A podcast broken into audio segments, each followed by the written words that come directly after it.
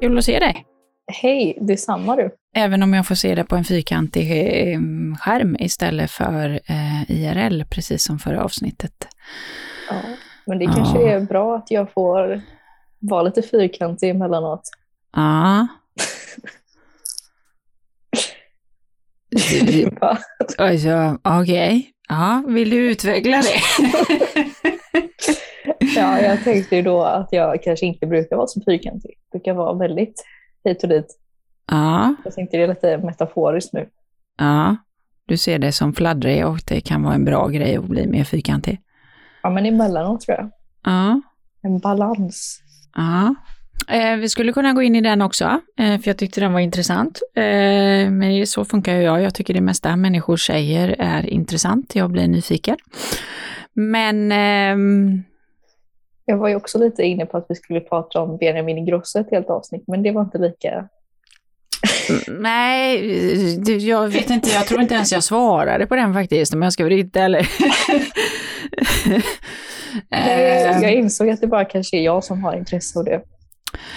Ehm, Och några fans. Det finns säkert fler där ute som har eh, intresse av att eh, prata om eh, Benjamin Ingrosso. Eh, jag skulle ju mer vilja prata om det i så fall om man skulle välja det att använda det som ett fenomen på eh, Stackars kille. Typ. där med eh, eh, kändisar och, och eh, fenomenet kring det. Eller hur ville du prata om Benjamin? Nej, bara allmänt. Nej, jag ska... För att är, ja men Benjamin är någonting jag tänker om på dagligen, så det behöver jag prata lite om. Bara, han är söt och han kan laga pasta. Ja, ja så han, han har bockat ett par punkter Ett på, på, på listan för vad du har i din datingönskelista om, om nästa eventuell, så uppfyller han många av de punkterna. Var det, är det så du säger? Mm. Ja, eller det han i alla fall visar i sitt kändisskap. Får Exakt. man väl lägga till då, för att eh, frågan är hur mycket han visar och ehm, jag brukar enkelt brukar säga att eh, det är inte så många procent av mitt verkliga jag som jag visar som offentlig person. Nej, lite så. Men det blir ju en tolkning av att det är helheten. Mm. Mm. Nej, men han verkar öppen med sina känslor i alla fall. Det tycker jag är fint. Ja, Mest. Nej, men jag håller med dig. Jag tycker om att han verkar vara en eh, fantastiskt fin kille. Repo. Eh, Ja, bra på många sätt. Sen har han ju säkert eh, upp och ner och bak och framsidor, så precis som alla oss andra. Japp. Så att eh, jag är lite mot att sätta gloria-hatt på människor. Man kan inspireras av människor. Jo, jag känner inte människan, det kan man inte påstå. Nej, det, det är ju så. Och då blir det ju att vi skapar och tolkar någonting som eh, vi kanske behöver utforska huruvida alla delarna är sanna eller inte. Ja, Mm. det kan vi ju prata om någon annan gång. Ja, så att, vi, vi, vi behöver inte ha ett helt avsnitt om Benjamin kanske, men vi kan spara den för att fenomenet kan vi ju prata om. Ja, men det är ändå kul nu, för att om folk söker på Benjamin Ingrosso på Mm. typ så här podd, då kommer vår podd kanske komma upp nu. Mm. Att det blir så här, vad som podden innehåller typ. Vad heter Mm. det? Transkribering. Och så har vi Mm. nämnt honom nu. Så det här är ju Mm. bra. Att det smittar lite menar du, så att vi får lite del i den eh, stjärnglimret där nu då. Ja, men det kan vara bra. Vi kanske bara ska fortsätta rada upp massa kändisar helt utan... Ja, men det, så kan man ju göra, eller så många poddar där ute gör ju bara så att de bjuder in kändisar som gäster, för det är så podden flyger. Eh, Det är ju ett fenomen i sig, det är ganska många poddar där ute som eh, eh, eller var min upplevelse i somras, att eh, många av dem är ju fantastiskt intressanta, så det är inte så det jag säger, men att det var liksom samma gäster som lite gick rundgång i alla de här lite större poddarna. Eh, Mm. hade jag en väldig upplevelse att eh, ja men då dök han upp där och då dök han upp i hennes podd också och i hans podd och så helt plötsligt var det väldigt mycket podderier kring just en person. Mm. Eh, Ja, men då fen- blir det nästan samma grej också, ofta. Eller så att de ställer samma frågor. Ja, men lite så. För mig blir det så. Eh, det blir lite ointressant på något sätt. Eh, övermatat. Eh, men det kanske bara är jag. Ja, jag Vem vet? med dig där faktiskt. Ja. Men vad vi egentligen var lite sugna på att eh, prata lite kring, eh, vända och vrida lite på, eh, och det är mm, beroenden. Och då, vi skrattade lite när jag sa det från början, för att med en gång så tänker man ju precis som du gjorde, men då kanske det är droger, alkoholmissbruk och de här bitarna. Eh, Medan jag var lite så här, ja men beroenden utifrån eh, tv, mobiler, bekräftelse, sällskap. En annan del i beroendestrukturen är jag lite nyfiken på att prata kring. Och det, eller, det blev vi ju båda. Så vad kan man säga om det? Vad blir dina första tankar när man säger beroende utifrån det perspektivet? Ja, jag tänkte faktiskt lite på det igår. Jag kommer inte ihåg om det var rent allmänt eller om det var för att du skrev det till mig igår.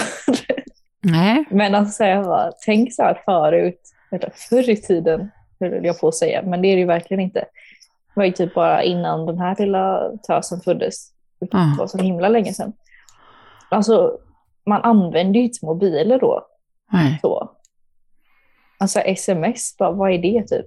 Mm. Det var liksom ringa, that's it. Mm. Möjligen, men det var ju ofta från hemtelefonen också. Mm. Det var ju väldigt få som hade mobiler på alltså 90-talet och början av 2000-talet. När jag hade min första mobil eh, skaffade jag mig, och det vet inte jag om jag var tidig scen eller inte, jag har ingen aning, eh, 93. Eh, och då var den stor som en tegelsten va? Med en stor antenn på, Exakt. som man gick omkring med här vid örat, liksom som en stor koloss. Den pratar man länge så fick man nästan stödja med andra handen under för det blev så tungt va? Ja, ja de Mm. har man ju sett och man bara, jäklar. Mm. Alltså det känns ju som det var typ så här 50-talet. Mm. Men det var liksom inte så himla länge sedan. Nej, för mig var det 93, så att det, det är Ja. ju inte alls länge sedan. Vad blir det? 28 år sedan? Eh, Mm. mm. Jag, inte så det länge. ju så här, jag bara, gud alltså. Så tänkte jag bara, min generation måste vara så förstörd. Men ärligt talat, alltså, Mm. plus att helst de som är, det känns ju nästan som att typ de som är födda 2010 är en annan generation än mig, bara för att det har hänt så mycket där. Mm. Alltså så här, för jag menar, iPhone 4 som liksom många började ha ändå, tycker jag, är min uppfattning. Mm. Den kom ju typ 2010 eller något, 2011 någonstans där. Mm. Och tänk de som föddes då, alltså de har inte haft en knapptelefon ens. Nej. Det har ju ändå jag haft. Ah. Det är ju coolt.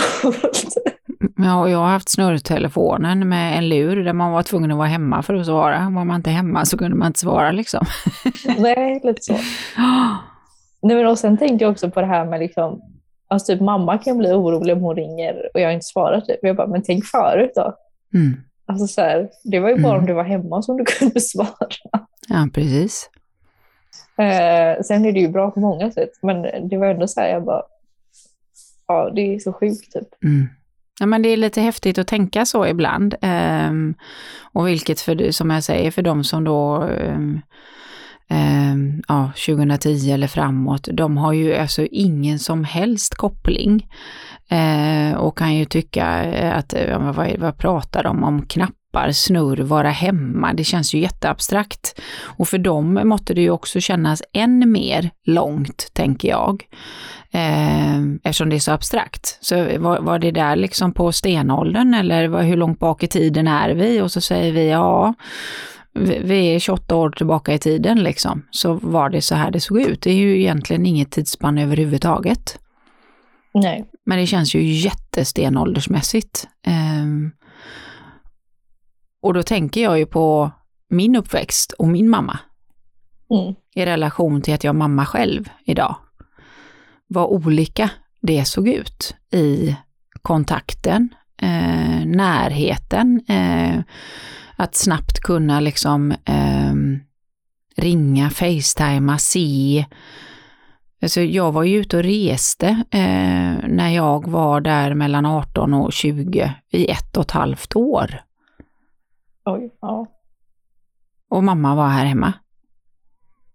Mitt, nej, och mitt fokus var ju inte att, och, eh, och det kan jag ju känna idag, att det var herregud, få vara mamma på andra sidan ger det ju ett annat perspektiv för mig. Att vara bortrest och att på veckor, månader kanske inte höra någonting. Mm. jag känner ju hur det känns i min kropp när jag tänker på mina barn. Jag vet inte, ha någon form av kontakt överhuvudtaget på kanske en månad eller två. Mm. För jag tänkte ju inte så. Nej. Och då som mamma har sagt, ja men jag fick ju tänka att eh, hör du inte av dig så har du det bra.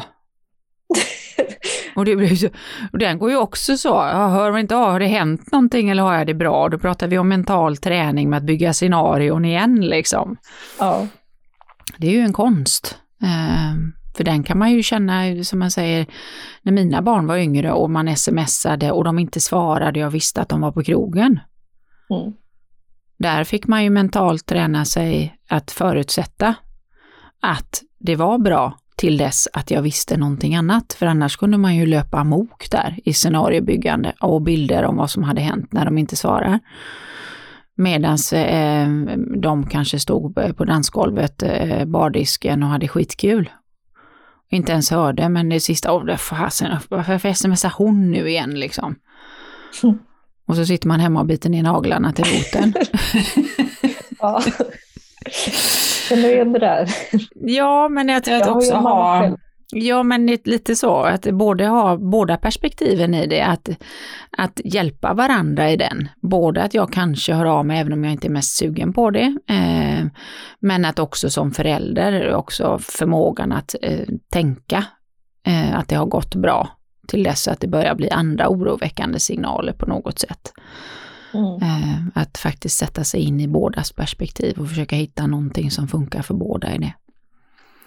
Så ehm, ja, ehm, och tittar man på det då utifrån ett beroende, vad tänker vi då? Vad är det vi egentligen gödslar här, tänker jag? Eh, ja, alltså jag tänker spontant väldigt mycket på bekräftelse liksom. Mm. Att det blir, eh, jag tror många så här, och det kan jag ju komma på mig ibland själv, liksom, att jag bara, men gud, alltså. Att det blir så här, man hör av sig typ hela tiden och så, så här, att det alltid är grejer. Antingen är det Snapchat, typ man har skickat något där, och så är det Instagram eller typ, ja, Facebook kanske inte jättemycket, men ändå. Att Mm. så här, man har så många olika sociala medier också. Och sen Mm. även liksom smsa och ringa och sådär. Så att det Mm. finns ju alltid någonstans där du kan hitta någonting. Mm. Eh, ja, men väldigt mycket så. Alltså, så här, jag tänker också att man får aldrig slappna av riktigt Mm. på grund av det här. Alltså, så här man är alltid lite så här, oh, undrar om någon har skrivit någonting, oh, undrar vad som händer nu. Oh, och, jag, och sen så, så här, har jag kommit på mig själv ibland att bara, jag kan typ inte så här, att jag känner att jag blir typ stressad eller nästan får så här abstinens om jag är utan telefonen och inte gör någonting. Mm. Alltså om jag jobbar så kan jag säga, åh jävlar, jag har varit utan den i åtta timmar nu liksom. Mm. Eller typ i skolan så. Men inte om jag bara är hemma och inte gör någonting. Då måste jag så här, ha på tvn eller någonting. Eller så här, bara något ljud. Alltså Mm. lyssna på musik, en podd, vad som. Jag kan inte vara, vara själv med min egen tystnad. typ. Nej. och så blir jag så här, jäklar, är jag så ja, beroende då liksom, av det här? Ja. Och det är beroende utifrån olika aspekter tänker jag, att, att eh, man kan beroende av det för att ehm, känslan av att vara ensam om inte tvn är igång. Eh, och det är ju också å andra sidan ett fantastiskt, för vi har väldigt många ensamma eh, och där eh, liksom tvn fyller en jätte eh, stor funktion av att känslan av att vara en del i en kontext och ha sällskap. Så man ska, jag vill liksom, det, det, det är liksom ett, precis som du var inne i, att allt är ju inte negativt med det, men jag behöver, jag tycker vi behöver bli lite medvetna om när vi gör, varför vi gör, eh, vad är syftet med det eh, och hur det får mig att må. Mm. Ehm, för att jag, jag har ju själv en mamma som är dement ehm, och lever ensam. TVn är en enormt sällskap för henne. Den går på från det att hon vaknar på morgonen till att hon går och lägger sig. Oaktat om hon tittar eller inte. Mm. Och jag har ju vänner som lever ensamma, som kanske inte lever i relation. Ja, men då går tvn där i bakgrunden och så ger det en skön känsla av ett sällskap. Mm. Ja, men så är det mycket för mig. Alltså nu när jag bor själv med. Ja. Så här, att jag på ja, men antingen tvn då, eller så en podd eller typ musik, bara för att jag tycker det är skönt att höra någonting så. Mm. Eh, och sen kanske jag inte lyssnar aktivt eller tittar aktivt på tv, men bara att det är skönt att typ ha lite så. För Mm. jag kanske inte orkar träffa någon heller. Ja, men, då så kan det ju vara. Ja, men då är det ändå skönt att ha någonting. Så här, för att annars kan det bli, i alla fall om det är en lång stund, att det blir liksom för tyst. Typ. Mm. Och den är jag, det är därför jag är så, så att säga, perspektivskiftande i det, för där har den ju en funktion för oss som vi eh, ska vara glada för. Eh, och samtidigt vara medveten kring eh, om jag har ett beteende där jag aldrig klarar av att vara själv med mig själv. Mm. För då är det ju någonting annat i den, tänker jag. Eh, att träna på att vara själv. Eh, och vi var inne på det här med sociala medier och, och liksom bekräftelsen. Att antingen lägga ut eller bevaka likes eller de här delarna. Att när om jag har gjort ett inlägg så kan jag nästan inte släppa telefonen utan jag går in där var, var tionde sekund och kollar vilka har likat, hur många har likat och så väntar man på en speciell like eller och kommer inte den så får jag en annan känsla. Eh, för det är ju en form av bekräftelse att bli sedd där ute. Ehm, Det har jag tänkt på faktiskt. Eller bara flika in lite där. För Instagram var det så här innan att man kunde se antal likes. Men nu finns det tydligen en inställning. Så att man kan göra så att det bara stod, ja men typ, eh, ja men som fredag följer ju båda oss. Och så Mm. står det typ så här, ja fredag och andra har gillat Ulrikas inlägg. Typ. mm, För då står det inte hur många, alltså så här, du kan ju se själv hur många det är, Mm. men andra kan inte se. Så nej. det känns typ som att det är en grej som har kommit till bara för att folk Mm. ja, men bryr sig så mycket om det. Mm. Så här, blir typ stressad av det.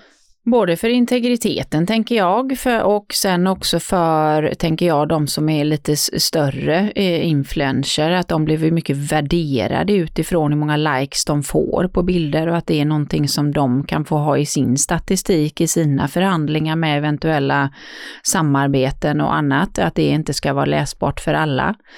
Men också den jämförelsen som kommer med, mellan eh, vänner och annat, att jaha, jag får bara 10 likes på mina och hon får 70 eller vad det nu är.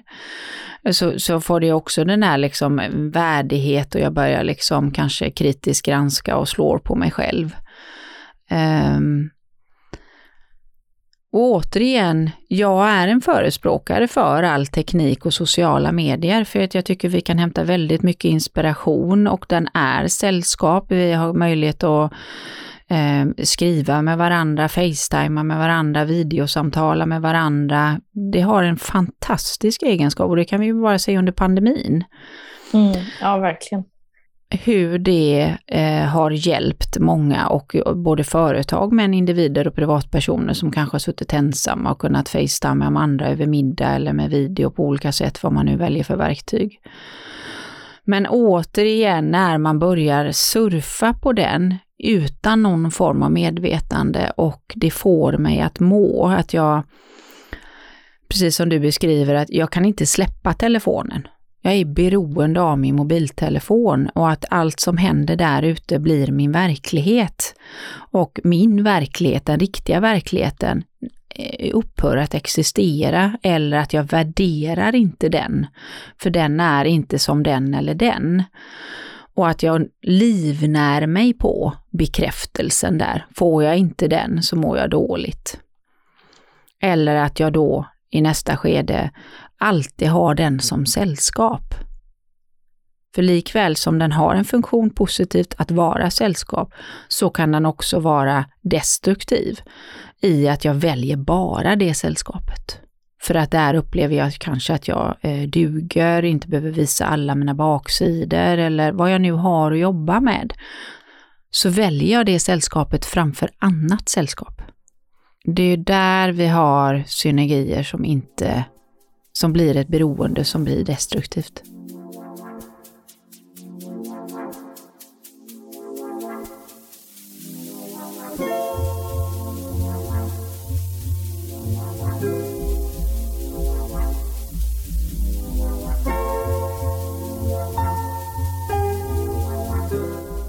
Och sen så har vi också, om man tycker, jag inte man skiftar sociala medier, men bara titta på den där att alltid behöva vara i sällskap. Det är också ett beroende som handlar om någon form av kärna. Att jag inte kan vara själv. Så fort jag har luckor där jag är hemma och är själv, eh, oaktat om jag då tar till tekniken, men att jag där inte mår bra. Så att jag blir en människa som så fort det blir en lucka av att jag ska vara själv, så går jag ut och söker upp någon eller gör någonting. Så jag blir en överaktiv person i flykten från att vara själv. Mm. Och ler Milla. Ja, men det där är lite lustigt. Jag pratade faktiskt med, eller så här, liknande med mina vänner för inte alls länge sedan. Det var bara några mm. veckor sedan tror jag. Men då sa jag typ så här, jag var, för att vi, ska, vi såg också så, så här, vet jag inte om vi pratade om att ses dagen efter eller vad det var, eller något sånt. Eller typ att de, jag bara, ah, nej jag går nog hem nu, eller så här, för att klockan var tio på kvällen. Mm. Då var det. Och då tycker jag att det är sent, vet du. Mm. Eh, jag bara, nej, nej, nej. Jag bara, det var läggdags för länge sedan här. och de andra bara, ah, och de satt uppe till typ så här 12 Eh, och de bara, fast, så sa de så här, fast egentligen är det ju bra eller så att du försöker ha lite rutiner typ. Mm. Eh, så men ja, i alla fall så gick jag hem och sen så pratade vi om att ses. Jag bara, ja jag får se hur jag känner kring det. De har ju redan träffat er en dag här. Det får inte bli lite för mycket social interaktion. Nej. Men alltså, jag är ju ganska introvert skulle jag ändå säga. Alltså, jag gillar att umgås med folk, men jag behöver också vara väldigt mycket själv. Mm. Alltså för jag kan bli så här, om jag har träffat folk typ tre dagar i rad så känner jag bara, men nu vill jag vara själv lite. Alltså, jag vill umgås med mig typ. Hänga med mig själv en stund. Ja, ja. exakt. Jag bara, ja. Men jag vill vara ensam med Milla. Precis. Och där är det så viktigt tycker jag att båda är okej. Okay. Um, ja. Det, jag återigen vill höja att, att medvetenheten kring det. Uh, att jag inte alltså i någon form av rädsla, eh, beroende som jag kallar det då, eh, eller som vi sätter som hatt på det idag i alla fall, att jag eh, knarkar att ha sällskap. Jag vågar inte vara själv. Alltså det händer saker i mig som jag inte tycker är så sköna för att vara själv. Mm. Eh, eller att jag är bara själv för att jag flyr ifrån någonting annat som är där ute som jag är rädd för värdering eller inte passa in eller vad det nu må hända vara. Och beroende på vilka som möter, för det kan du ju säkert känna att vissa då, ja men förstår med en gång vad du menar att ja, men nu har vi ju hängt i två dagar, nu behöver jag lite egen tid och jag tycker det är skönt. Medan det finns de som reagerar som, eh, ja hon gillar inte mig, hon vill inte hänga, nu har jag gjort något fel. Den perspektivet finns. Och så finns den andra, vad är det för konstigt med henne som inte vill umgås? Ska hon bara vara själv hemma? Och det är så olika kartor av verkligheten eh, och det är ju ingen som är rätt eller fel. Utan frågan är med vilken känsla man gör det. Mm. Ja, men jag känner väl nu att jag har ganska bra balans ändå. Ja. Mm. Eh, ibland är det så att jag kanske var, eller just nu då när jag inte har mått helt hundra, att jag typ känner mer för att vara själv. Men det blir ju ändå att jag träffar folk, eller dels har jag träffat min studiegrupp lite då. Mm. Så då får man ändå möta människor, men sen också att så här, ja, men typ av mina kompisar frågar så om jag kan vara med en stund eller typ så här, mm. göra någonting för att jag tycker ändå om, om att umgås med dem. Liksom. Mm. Och det känns inte så jobbigt. Kanske inte hänga med och klubbar till tre på natten, liksom, men jag kan göra något annat. Mm. Nej, och där är ju upp till var och en, tänker jag. Men återigen det där som vi har pratat om innan i avsnitt om stress, att stress har ju också den förmågan att vi då eh, sluter oss, vi kryper in i grottan. Och då behöver man ju också de lägena fundera lite på vad tankar jag energi av? Eh, är det så att jag faktiskt bara ibland ska ta mig i kragen och umgås för att jag vet att det ger mig energi, även om min första spontana är att jag orkar inte. Och precis som du säger, ja men jag kanske inte då går med på åtta timmar och klubba till fyra på morgonen liksom, men jag kan ju ändå gå med en stund. Och att eh, återigen stanna upp i saker och utvärdera varför jag gör och vad jag mår bra av och hur jag skulle kunna påverka och leda mig själv i det. Mm. För att, att hela dagarna springa omkring och aldrig kunna vara själv, eh, tänker jag, är en flykt från något. Men att bara sluta sig, bara vara själv, det kan också vara en flykt från något. Så att, att veta att vi är i grunden människor som behöver en social interaktion. Men vilken är min avsikt när jag gör det? För jag har ju haft både vänner och andra i min närhet som, men lite fult uttryckt, men som knarkar det där med sällskap. Att så fort jag kommer hem innanför dörren och har avlöst någonting så får jag nästan panik för att jag har inget nytt bokat. Mm. Då kanske man behöver prata om det, tänker jag. Och likväl som att jag inte kan släppa min telefon. Eh, att vara medveten om det och där, där vet vi ju inte idag med hundra säkerhet. Det finns ju olika forskningar som leder olika vägar hur det här påverkar vår hjärna. Den har ju återigen varit lite för kort tid och vi har för lite underlag. Eh, men jag tänker att all form av överstimulans på hjärnan när den inte får vila är inte sunt. Vi behöver variationen. Så är jag bara vid min mobil så kanske jag ska tänka på att variera mig, IRL, eh, rörelse eh, och annat. Um, och sen tycker jag fenomenet i det här att vara beroende av bekräftelse. Eh, vi har ju poddat lite om det förut, men jag skulle kunna lägga ett helt poddavsnitt om vad handlar det här om, den här konstanta sökandet, eh, längtan efter bekräftelse. Mm. Och vad har vi lagt i är en bekräftelse för att den ska ge oss en skön känsla? Och vad händer med oss om den uteblir? Hur kan vi då bekräfta oss själva? Skilla upp den förmågan. Eh, jag brukar prata om självvalidering. Eh, att jag faktiskt, för vi söker ju någon form av validering från andra hela tiden, att jag har gjort bra, att jag duger, att jag är bra, att jag är snygg, att jag har rätt kläder eller vad det nu må hända vara. Att träna sig på självvalideringen där, att jag själv kan säga jag är bra, jag gjorde bra, jag kan själv fira mina framgångar. Jag kan själv se att jag känner mig eh, fin, eh, gillar de här kläderna, känner mig snygg. Jag behöver inte andra att tala om det för mig, för att den känslan ska infinna sig. Mm. Vad tänker du när jag säger det? Att jag kan det med de flesta saker, förutom när det kommer till skämt. Typ. Mm. Nej, jag skojar. Nej, men ja.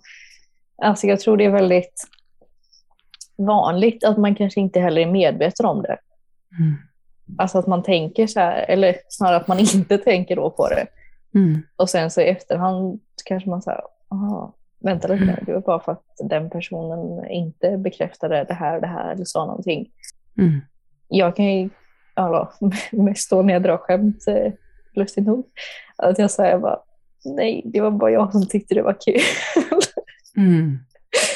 uh, men uh, kan jag ju skratta åt det lite också då, men det är ändå så här, vad fan. Den biter lite liksom, den känns. Ja, man typ skäms ju lite när det bara är man själv som tycker det är kul. Ja. Och varför men, skäms man? Det var så här, aha, fan, det var inte så roligt då, om ingen annan tyckte det. Nej. Man inte får bekräftelsen, I guess. Nej. Och där inte tänka att det räcker att jag tyckte det var kul.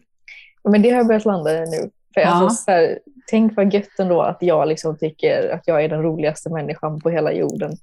Ja. Det känns Härligt. bra. För ja. jag umgås ju med mig själv hela tiden. Ja. Jag har ju görskoj.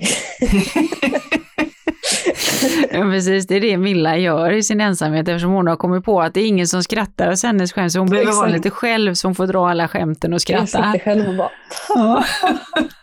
jag tar hand om mina grannar. Äh, Vad håller hon på med? Men nej, så det är ju en fantastisk egenskap att träna upp. Oaktat om det nu gäller i humorns eh, eh, spektra eller i annat. Att, att börja träna på det där som egentligen grunden handlar om, eh, så självvalidering eller självkänsla. Eh, att kunna eh, bekräfta mig själv. Sen är vi ju varelser, flockvarelser så att vi behöver ju den externa bekräftelsen också, så det ska man ju inte tona bort. Men att inte vara beroende av den för att må bra. Mm. Är jag inte på sociala medier och får likesen och bekräftelsen där för att jag var snygg och får det från just dem, då är jag inte snygg eller då är jag inte bekräftad. Utan att kunna, men jag tycker det. Jag gillar mig, jag gillar de här egenskaperna. Sen vet jag att jag har många baksidor som, ja men jag jobbar med dem mer eller mindre medvetet. Eh, att inte tänka att jag är som Guds gåva till eh, mänskligheten eh, och är perfekt i alla former, men ändå kunna gilla mig och bekräfta mig själv. Fasen vad bra jag var när jag kom på det, eller fasen vad bra jag var när jag gjorde det. Ja, det var ingen annan som sa det till mig. Nähä, då kanske det inte var bra. För det var ju ingen annan som sa. Ja, men jag tänker att det är väldigt, eh, alltså för att komma dit så kan man ju försöka se sig själv som utifrån mer. Mm. Alltså objektivt bara. Okej, okay, men hade jag tänkt om någon agerade så här och så här? Mm. Ja, men jag hade tyckt det var rätt bra faktiskt. Mm. Och bara, ja just det, men nu var det jag som gjorde det. Då kanske mm. jag är rätt bra. Alltså så här, mm. börja så. För jag känner ju mer att jag har landat i det nu än förut. Liksom, när jag var yngre. Mm. Så att, och det har mycket varit för att jag liksom har så tänkt bara, okej okay, men hur skulle jag reagera om någon annan gjorde så här? Bara, ja, men jag skulle tycka att den personen var jättesmart eller vad det nu handlar om. Mm. Och så bara, ja just det, det var jag som gjorde det. Ja, Mm. vad bra. Mm. Det är liksom, tycker jag, första stegen i alla fall för att Mm. liksom, genuint eh, komma till att man känner det sen. Ja, men jätteklokt, alltså att börja träna på, för det är oftast när vi är i känslan i en situation eh, som vi inte kan titta klarsynt på den. Eh, och att då klippa den känslan metaforiskt genom att titta på den utifrån, eh, ersätta mig i situationen med någon annan, gör att jag mer objektivt kan titta på den och se mer klarsynt. Ja, fast om någon annan hade gjort det jag nu upplever kanske var, jag fick inte bekräftelse för eller ett misstag och så börjar jag jäkla nåda slå på mig själv eller bli ledsen. Och så tänker man, precis som du säger, ja fast om någon annan hade gjort det och jag hade sett det, hört det, upplevt det, vad hade jag tänkt då? Att börja träna på det perspektivskiftet. Och där går en resa till att faktiskt kunna bekräfta mig själv. Eller som så snyggt heter, självvalidering då. Mm. Att inte hela tiden värdesätta mig utifrån andras bekräftelse. Nej. Ja, det när- tror jag på. Det tror jag på är första steget i en träningsresa. Och sen så faktiskt kanske också, om jag ändå är osäker där, ja men jag har kanske någon i min närhet eh, som jag vet verkligen tycker om mig, oaktat alla mina bak och framsidor. Prata där om det. Mm. Vad tänker du när du ser den här situationen? Jag upplever det så här, hur, hur tänker du kring det? Eller hur, vad hade du tyckt? Och, så att man får ett utanför perspektiv på det med någon som man litar på, vill mitt bästa. De kan också hjälpa mig att vidga perspektiven eh, i en situation. För de skulle aldrig säga osanningen. För jag vet att de vill mitt väl. Kan ju också vara ett sätt att ta hjälp. För att kunna starta och bekräfta mig själv. Mm.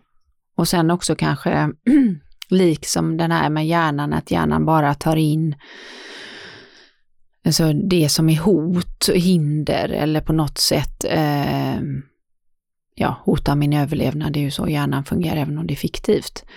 Att påminnas om alla gånger när jag, jag gjorde bra. Påminnas om de gångerna när det kändes skönt.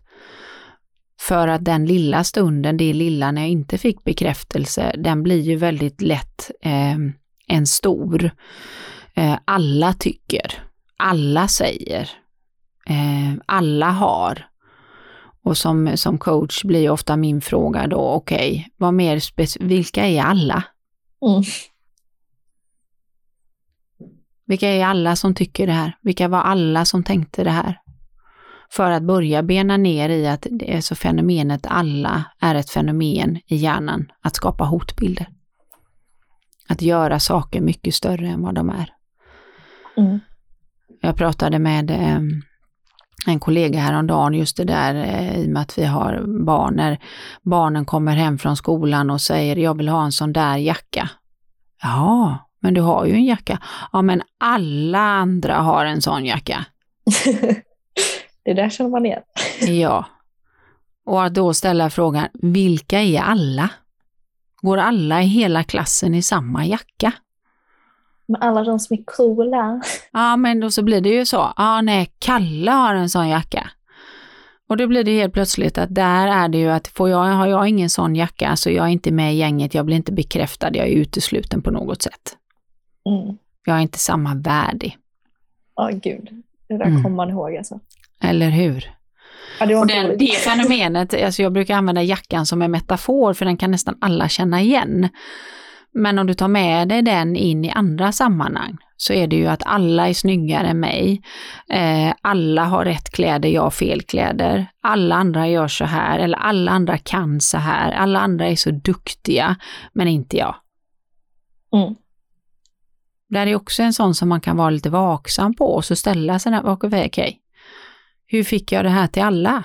Vad, vad var det som hände här? Vilka är alla? För det är ju flockinstinkten i hjärnan som gör det här konstiga fenomenet. Där hittar man ju också lite sådana här frågor, tänker jag, som kan lyfta en ur det som blir ett beroende. Mm. Sen finns det ju, det har ju du och jag varit inne på förut, det finns ju massa saker, eh, trauman, fenomen som har hänt i uppfostran eh, historiskt för en som gör att man är mer eller mindre känslig för olika saker. Att man behöver mer bekräftelse i vissa scenarion eh, än andra. Eh, eller att det finns en historia som faktiskt gör att jag är väldigt rädd för att vara själv. Eh, och därför blir jag sällskapsberoende. Och där kanske man kan behöva hjälp. Så att ser man de beteenden hos sig själv, att fundera kring dem, ställa de här lite frågorna som både du och jag tagit upp här, men att också känna att men hittar jag inga svar där så prata med någon annan, hur hade du upplevt det? Eh, och i slutändan kanske mer professionellt gå och prata med någon. För det är beroenden i en, en flykt från något annat, brukar jag säga. Ja. Mm. Vill vi säga något mer om beroende, tv, sällskap, eh, bekräftelse, mobiler? Ja, vad finns det inte att säga? Nej, men, ja. Det finns mycket att säga, men jag tänker att vi har berört lite olika delar säkert. Och att vi kommer komma in på det igen förmodligen. Ja, men det är ett viktigt ämne. Ja. Ja. Eh, ämnet kom faktiskt inte från mig, ska jag ärligt säga igen, utan det kom från en lyssnare. Mm. Eh, vilket jag inser nu att jag faktiskt inte sa till dig när vi smsade igår om de här ämnesidéerna. Eh, så det är ju eh, lyssnare som har önskat ämnet och då vill jag säga att vi känner vi att vi vill gå in mer på det eller det fanns önskningar om eh, andra perspektiv på det än vad vi har tagit upp idag så är det bara att höra av sig så eh, pratar vi gärna vidare för det finns som sagt, precis som du säger, väldigt mycket att säga i det ämnet. Mm. Eh, och det påverkar oss alla i någon form. Men det jag tänker då, eftersom att vi, någon här älskar summeringar. Ja, det är jag. ja. Repetition och summeringar. Ja. ja, men jag tänker då kan vi väl summera lite kort. Och det jag tänker främst är väl att alltså, försöka bli lite medveten om det till att mm. börja med. För att som jag lyfte innan, att jag tror många så här, tänker inte ens på det, utan man bara kör på för att det är liksom vår vardag. Mm. Eh, och det är inte något som jag, man så ofta lyfter. Alltså så här, de kanske lyfter i skolan och bara ah, ni är för beroende av era telefoner. Typ. Men alltså inte i ett större perspektiv och typ vad det faktiskt innebär. Och jag tänker nu kanske vi ändå har gett några typ, konkreta exempel på hur det kan vara och kännas. Så jag menar, så här, försöka bli mer medveten om det och tänka så här, bara, vänta lite nu, jag kanske inte måste, ja, i mitt fall, lyssna på en podd när jag gör det här. Eller så här, mm. liksom, låta bli att göra det någon gång bara för att testa, typ, aha, hur kändes det? Mm. Lite sådana grejer. Sen mm. behöver man inte, för som du sa, det är ett bra sällskap, men det kan bara vara intressant tycker jag. Att se vad reaktionen blir hos en själv. Mm. Jo men precis, att börja med att utifrån vad vi har pratat om tänka till liksom. Okej, okay, hur gör jag i det här? Har jag några eh, så beteende kring någonting här som, som det här väcker, det vi har pratat om, att jag kanske mycket vid telefonen eller att jag, nej men herregud, det där stämmer ju på mig, att det här är ju så fort jag kommer hem så måste jag ringa någon ny för att jag måste ha sällskap och eh, eller att jag hela tiden är på sociala medier och lägger ut och processar alla mina saker där ute för, någon form av eh, bekräftelsestöd och att det kanske bara är en wake-up så, att eh, titta på hur gör jag? Hur, hur, ser jag ut i det här och vad får det mig att känna de här olika? Och precis som du säger, okej, okay, nej men jag är ju faktiskt jättemycket ute på mobilen eller jag söker ju bekräftelse hela tiden. Mm. Bara landa där som en insikt och sen tänka, okej, okay, ska jag bolla det här med någon? Hur tänker jag själv? Kan jag bara testa att eh, strunta i att göra någonting eller göra annorlunda för att se vad händer i mig när jag gör det? Lite nyfiket. För de är svåra att se, för de går på autopilot. De är ju så känslostyrda så vi, många av oss reflekterar inte ens över det. Det kan vi nog alla känna igen, eh, oaktat om vi har eh, jobbat med det här innan eller inte. Så det är en jättebra del att bara börja nyfiket titta på. Eh, när det gäller tv, sällskap, bekräftelse, mobiltelefoner. Hur gör jag? Hur känner jag? Ja, men antingen då för att landa i bara, jo men jag kanske faktiskt behöver lite hjälp med det här. Eller, så här, eh, eller för att bara inse att, alltså här, som, ja men till exempel jag kan ju kolla min skärmtid ibland och bara, nej men gud, har jag varit inne så mycket? Eller så här. Mm. Och det kanske inte behöver kännas som ett problem för det. Eller så där, men det kan ändå vara intressant tycker jag i alla fall, att bara se hur mycket tid man faktiskt lägger på typ sociala medier och sånt där. Mm. Och eh, som vi lyfte innan, typ en, lyssna på en podd för sällskap kan ju vara väldigt bra, men också så här att man bara noterar det. Sen behöver mm. du inte göra något åt det, men det kan vara intressant att bara ja, mm. vara lite mer medveten kring det. Mm. För att jag Precis. tänker det, det blir som förebyggande också, för att det inte blir liksom negativt senare. Att bara behöva medveten, precis. Att, att jag börjar medvetandegöra vilka beteenden jag har och vad de kanske beror på och vad de eh, leder mig i livet och inte för att jag måste förändra dem nu. Eh, för så kan ju fallet vara också att det funkar alldeles utmärkt för mig. Men att jag kanske då, precis som du säger, när jag då tippar över och gör mer, om jag brukar vara på mobilen eh, två, tre timmar om dagen och helt plötsligt åtta timmar om dagen. Mm. Ja, vad säger det mig? Hur får det mig att må och varför gör jag det? Varför hamnade jag här med åtta timmar i mobilen varje dag? Eh, flyr jag från någonting annat? Hur får det mig att må och hur får det mig att känna i livet? Mm. Om jag inte får bekräftelse via mobilen eller från andra, hur får det mig att må? Mm. Eller så kanske jag är en människa som är jätteduktig på att bekräfta mig själv och inte alls är beroende av det. Det är bara en insikt. Det är bara information. Mm. Så börjar i alla fall att nyfiket reflektera vid de här ämnena, tycker vi. Eh, kan vi väl summera och så får man ju se nästa steg, vad jag kommer landa i och vad jag väljer att kanske ta hjälp eller bara nyfiket fortsätta att träna mig och göra annorlunda och se vad som händer. Mm. Mm. Så hoppas jag att det gav eh, det precis igen som den här lyssnaren eh, önskade och gör det inte det så utvecklar vi gärna vidare och kom gärna med frågor eller andra perspektiv som vanligt. Vi tar jättegärna emot det. Det gör vi. Så eh, tack för idag säger vi där eller? Ja. Ja. Vi får ha så... en fortsatt fin vecka. Ja. Så och hörs vi. Ta, ja, och ta hand om er där ute. Ha det gott. Hej då. Hej.